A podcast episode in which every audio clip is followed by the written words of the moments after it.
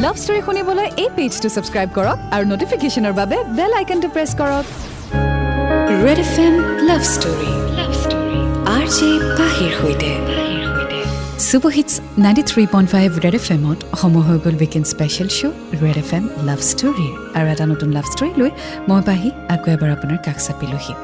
যদি আপুনি ইউটিউব চেনেলত ষ্টৰীটি শুনি আছে তেতিয়াহ'লে গুড মৰ্ণিং গুড ইভিনিং যিয়ে হওক। কিন্তু যদি আপুনি ৰেড এফ এমত শুনি আছে তেতিয়াহ'লে আহক নিশাটিৰ জাৰ্ণি আৰম্ভ কৰোঁ এটি নতুন প্ৰেম কাহিনীৰ সৈতে। আৰু এই প্ৰেম কাহিনীটি মোৰ সৈতে শ্বেয়াৰ কৰিছে বনানী কলিতাই আৰু তেওঁ পঠিয়াইছে শিৱসাগৰৰ পৰা।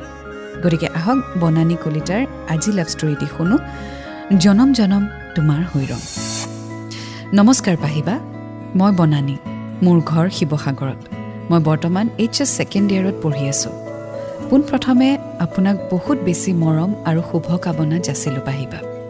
বহুত ভাল লাগে পাহিবা আপোনাৰ এই শ্ব'টো শুনি।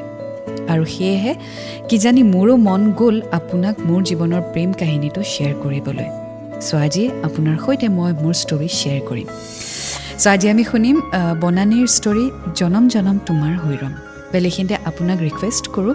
যদি আপোনালোকে ষ্টৰী পঠিয়াব বিচাৰিছে তেতিয়াহ'লে চিঠি লিখি পঠিয়াই দিব। কিন্তু যিহেতু বৰ্তমান চিটুৱেশ্যন ক'ভিডৰ চলি আছে গতিকে সেইকাৰণে মই ভাবিছোঁ কেইদিনমান যেতিয়ালৈকে চিটুৱেশ্যন ঠিক নহয় আপুনি মোক ইমেইলৰ যোগেদি চিঠিসমূহ পঠিয়াওক মানে ষ্টৰিসমূহ পঠিয়াওক। আপুনি ঘৰৰ পৰা ওলাই নগৈ আপুনি ঘৰতে বহি ইমেইলৰ যোগেৰে মোক পঠিয়াই দিব আপোনাৰ প্ৰেম কাহিনী।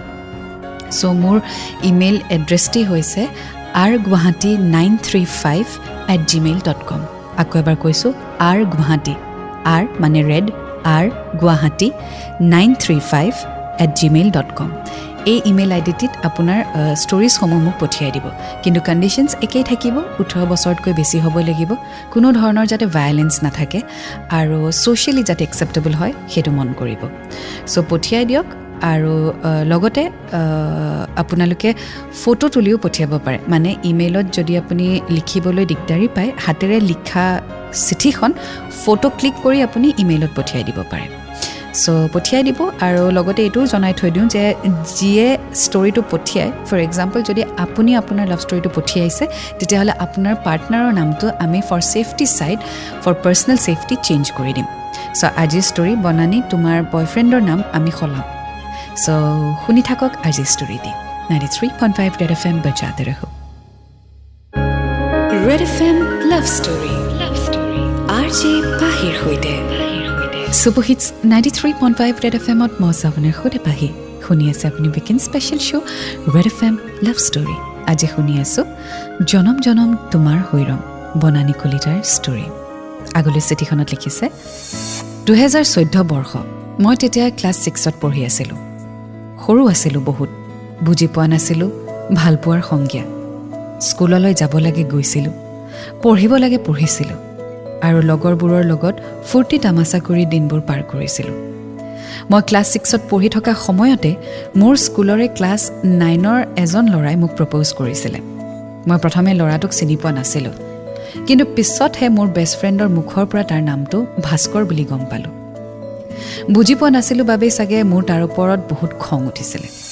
চ' যিটো সময়ত প্ৰেমৰ প্ৰস্তাৱ পাইছে সেইটো সময়ত বনানী তেনেই সৰু। মানে প্ৰেম কি হয়তো আমি বুজিয়ে নাপাওঁ। আৰু সেইটো সময়ত এনেকুৱা এটা পিৰিয়ড হয় যিটো পিৰিয়ডত আমি ছোৱালীৰ লগত বহি ভাল পাওঁ। ল'ৰাই মাত দিলে বৰ খং উঠে। কিন্তু লাহে লাহে যেতিয়া আমি এডাল্টহুডত সোমাওঁ তেতিয়া আকৌ ল'ৰাৰ ইম্পৰ্টেঞ্চটো বিচাৰোঁ। চ' উইথ ষ্টেজেছ আমাৰ বায়'লজিকেল চেঞ্জেছ হৈ থাকে and this was also' a part of biological change so' এতিয়া আগলৈ কি হয় জানিবলৈ অকণমান অপেক্ষা কৰক। N ninety three point five red F M বাজাত ৰহো। Red F M love story R J পাহিৰ সৈতে। Super hits ninety three point five red F এমত মই আছোঁ আপোনাৰ সৈতে পাহি আৰু মোৰ সৈতে আপুনি শুনি আছে weekend special show' red F M love story আজি শুনি আছোঁ। বনানী কলিতাৰ ষ্টৰী জনম জনম তোমাৰ হৈৰম ইতিমধ্যে গম পালোঁ যে ক্লাছ ছিক্সত থাকোঁতে ক্লাছ নাইনৰ ল'ৰা এজনে বনানীক প্ৰপ'জ কৰিলে যাৰ নাম ভাস্কৰ। কিন্তু বনানীয়ে হয়তো যিটো সময়ত প্ৰেম কি বুজিয়ে নাপায় সেইটো সময়ত স্বাভাৱিকভাৱে তাইৰ খং উঠিছিল ভাস্কৰৰ ওপৰত। আগলৈ তেওঁ লিখিছে চিঠিখনত মোৰ লগৰবোৰক সি বহুত সুধিছিলে মোৰ কথা। জানিব বিচাৰিছিল চাগে মোৰ জীৱনৰ কথাবোৰ। মোৰ বেষ্ট ফ্ৰেণ্ডৰ পৰাও সি বহুত কথা উলিয়াইছিল আৰু বহুত কথা সি নিজৰো কৈ পঠিয়াইছিল। তাইৰ পৰাই ময়ো তাৰ অলপ চলপ কিছুমান কথা গম পাইছিলোঁ। খং অভিমানেৰে ভৰপূৰ। মই কিন্তু বেছিদিনলৈকে এই খং দমাই ৰাখিব নোৱাৰিলোঁ। লাহে লাহে যেন তাৰ প্ৰতি মই দুৰ্বল হৈ পৰিছিলোঁ। কিন্তু মই এই কথাটো কাকো কোৱা নাছিলোঁ। মনৰ ভিতৰতে শেৱালি ফুলৰ সুবাসৰ দৰে মোৰ ভালপোৱাবোৰ সাঁচি থৈছিলোঁ। মই তাৰ প্ৰপ'জেলৰ একো আনচাৰ নিদিয়া দেখি সি মোৰ বেষ্ট ফ্ৰেণ্ডক আকৌ এবাৰ সুধি পঠিয়ালে যে মই তাক ভাল পাওঁ নে নাপাওঁ। মন গৈছিলে তাক সেইদিনাখনেই মোৰ মনৰ কথাটো যেন কৈ পেলাওঁ। কিন্তু পাহিবা ক'ব খুজিও যেন মই থমকি ৰৈছিলোঁ। চ' ক'ৰবাত নহয় ক'ৰবাত বনানীৰো ফিলিংছ আহিছে ভাস্কৰৰ প্ৰতি। বাট এক্সপ্ৰেছ কৰিব পৰা নাই। চ' আগলৈ কি হয় জানিবলৈ অকণমান অপেক্ষা কৰক and ninety three point five red F M বজাতেৰে হওক। Red F M love story love story R J পাহিৰ সৈতে। ৱেলকাম বেক এণ্ড শুনি আছে আপুনি weekend special show' red F M love story on super hits ninety three point five red F M আৰু মই আছোঁ আপোনাৰ সৈতে পাহি শুনি আছোঁ আজি বনানীৰ ষ্টৰী জনম জনম তোমাৰ হৈৰম। আগলৈ এতিয়া লিখিছে মই তাৰ প্ৰপ'জেল একচেপ্ট কৰা নাছিলোঁ যদিও মোৰ মন প্ৰাণ তাৰ ওচৰতেই জাপি দিছিলোঁ। সি এদিন স্কুললৈ নাহিলেই মোৰ ভাল লগা নাছিলে। বুজাব নোৱাৰা এক বিষাদে মোৰ মন উপচাই পেলাইছিল সেই সময়খিনিত। মই আৰু ধৈৰ্য ধৰিব নোৱাৰা হৈ পৰিছিলোঁ। পিছদিনা স্কুললৈ গৈ মই মোৰ বেষ্ট ফ্ৰেণ্ডক সকলো কথা কৈ পেলালোঁ। আৰু তাইক এই বুলিও ক'লোঁ সি যদি মোক সঁচাকৈয়ে ভাল পায় তেন্তে নিজে আহি ক'বলৈ কবি। মোৰ বেষ্ট ফ্ৰেণ্ডে তাক সকলো কথাখিনি ক'লে আৰু সি মোক মাতি পঠিয়ালে তাইৰ হতুৱাই পিছদিনা। চ' বনানীয়ে ভাস্কৰৰ মুখেৰে শুনিব বিচাৰিছিল দ'জ থ্ৰী গল্ডেন ৱৰ্ডছ আৰু সেইমতে ভাস্কৰেও তাইক মাতি পঠিয়ালে পিছদিনা। চ' সেই দিনটো কি হয় জানিবলৈ অকণমান অপেক্ষা কৰক। And ninety three point five red F M বজাতে ৰহক red F M love story love story R J পাহিৰ সৈতে।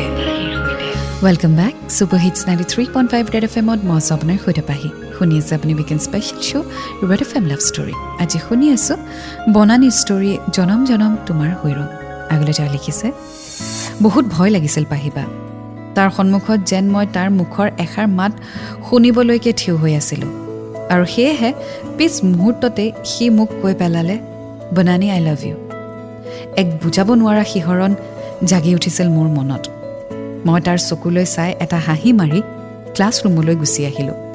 সি হয়তো বুজি পাইছিল মোৰ মনৰ সকলোবোৰ কথা। আৰু সেইদিনাখনৰে পৰা আমাৰ মাজত আৰম্ভ হৈছিল কেতিয়াও শেষ নোহোৱা কথাবোৰ। এবাৰ পূজাৰ বন্ধত মই লগৰ কেইজনীৰ সৈতে পূজা চাবলৈ গৈছিলোঁ। সিও আহিছিলে আৰু দুয়োটাই প্ৰথমবাৰৰ বাবে সেৱা কৰিছিলোঁ। সেই দিনটো পাহিবা মোৰ স্মৃতিৰ মানস পটত এতিয়াও সজীৱ হৈ আছে আৰু সদায়ে থাকিব। অলপ সময় তাত কথা পাতিলোঁ আৰু সি ঘৰলৈ গুচি গ'ল। চ' ৰিলেশ্যনশ্বিপত সোমাই পৰিলে বনানী আৰু ভাস্কৰ। চ' এই ৰিলেশ্যনশ্বিপটো স্মুথলি আগুৱাই যাবনে? জানিবলৈ অকণমান অপেক্ষা কৰক and ninety three point five red F M বজাতে ৰহক red F M love story love story R J পাহিৰ সৈতে। Super hits ninety three point five red F এমত মজা আপোনাৰ সৈতে পাহি আৰু আপুনি শুনি আছে weekend special show' red F M love story আজি আমি শুনি আছোঁ বনানীৰ ষ্টৰী জনম জনম তোমাৰ হৈৰম আগলৈ তেওঁ লিখিছে সি যিহেতু ক্লাছ টেনত আছিলে গতিকে স্কুলৰ শেষ দিনটো ওচৰ চাপি আহিছিল আৰু মোৰ মনটোৱে বাৰে বাৰে সেই দিনটো নাহিবলৈকে যেন কৈ আছিলে। আৰু সেই সময়তে মোৰ লগৰবোৰে এটা কথা প্ৰায়ে কৈছিল চকুৰ আঁতৰ হ'লে হেনো মনৰ আঁতৰো হয়। কিন্তু মই তাক বহুত বিশ্বাস কৰোঁ। আৰু সেই বিশ্বাস যাতে সি ৰাখে তাৰে কাৰণে মই সদায় ভগৱানৰ ওচৰত প্ৰাৰ্থনা কৰিছিলোঁ। এনেদৰেই দিনবোৰ পাৰ হৈ গ'ল। অৱশেষত সেই অভিশাপ্ত দিনটো আহিলে। সেইদিনা ৰাতিপুৱাৰে পৰা মোৰ মনটো বৰ বেয়া লাগি আছিলে। সেইবাবে ক্লাছতে বহি আছিলোঁ। তাৰ সন্মুখত ওলাবলৈ মোৰ সাহস হোৱা নাছিল। তাৰ লগত কথা পাতিবলৈ ব্যাকুল হৈ থকা মইজনী আৰু নোৱাৰিলোঁ ৰৈ থাকিব। সকলো বাধা নেওচি তাৰ লগত কথা পাতিলোঁ। সি বহুত কথা কৈছিলে সেইদিনা। প্ৰতিশ্ৰুতিও দিছিলে। মোক কেতিয়াও অকলশৰীয়াকৈ এৰি থৈ নোযোৱাৰ। ময়ো তাক সেইদিনা মোৰ মনৰ কথাবোৰ মুকলি মনেৰে ক'লোঁ। বহুত বেয়া লাগিছিল মোৰ। তাৰ অবিহনে এই স্কুলখনত কেনেকৈ থাকিম? মন বহাব পৰা নাছিলোঁ একোতেই কিন্তু উপায়ো নাছিলে। পাহিবা এনেদৰে পাৰ হৈ গ'ল বহুত দিন বহু ৰাতি। মোৰ এনুৱেল এক্সামিনেশ্যন শেষ হ'ল। কিন্তু মই তাক এদিনো লগ পোৱা নাছিলোঁ কাৰণ সিহঁতৰ পৰীক্ষা প্ৰায়ে পিছবেলা আছিলে। চ' স্কুলৰ পৰা অবভিয়াছলি আফটাৰ টেন ওলাই যাবই লাগিব। আৰু সেই দিনটোৰ কথা ভাবিয়ে বনানী বহুত আপছেট হৈ আছিলে। And that is a part and parcel of life য'তেই নহওক শিক্ষাৰ এটা টাইম লিমিট থাকে। আৰু সেই টাইম লিমিট শেষ হ'লে তাৰ পৰা আমি ওলাই আহিবই লাগিব। আচলতে চব বস্তুৰে এটা ডিউৰেশ্যন থাকে যেনেদৰে জীৱনটোৰ এটা ডিউৰেশ্যন থাকে। আৰু সেই দিনটো পোৱাৰ লগে লগে আমি এই পৃথিৱীখন এৰি যাবই লাগিব। চ' লেটছ চি আগলৈ কি হয়? এই ৰিলেশ্যনশ্বিপটিত জানিবলৈ অকণমান অপেক্ষা কৰক। And ninety three point five red F M বাজাতে ৰহ। Red F M love story love story R J পাহিৰ সৈতে। Super hits ninety three point five red F এমত মই আছোঁ আপোনাৰ সুধে Pahi. And welcome back to the show' red F M love story আজি শুনি আছোঁ বনানীৰ ষ্টৰী জনম জনম তোমাৰ হৈ ৰম। আগলৈ তেওঁ লিখিছে সেই দিনবোৰ যে মই কেনেদৰে পাৰ কৰিছিলোঁ কেৱল মই জানো। তথাপি ধৈৰ্য ধৰিছিলোঁ বহুত।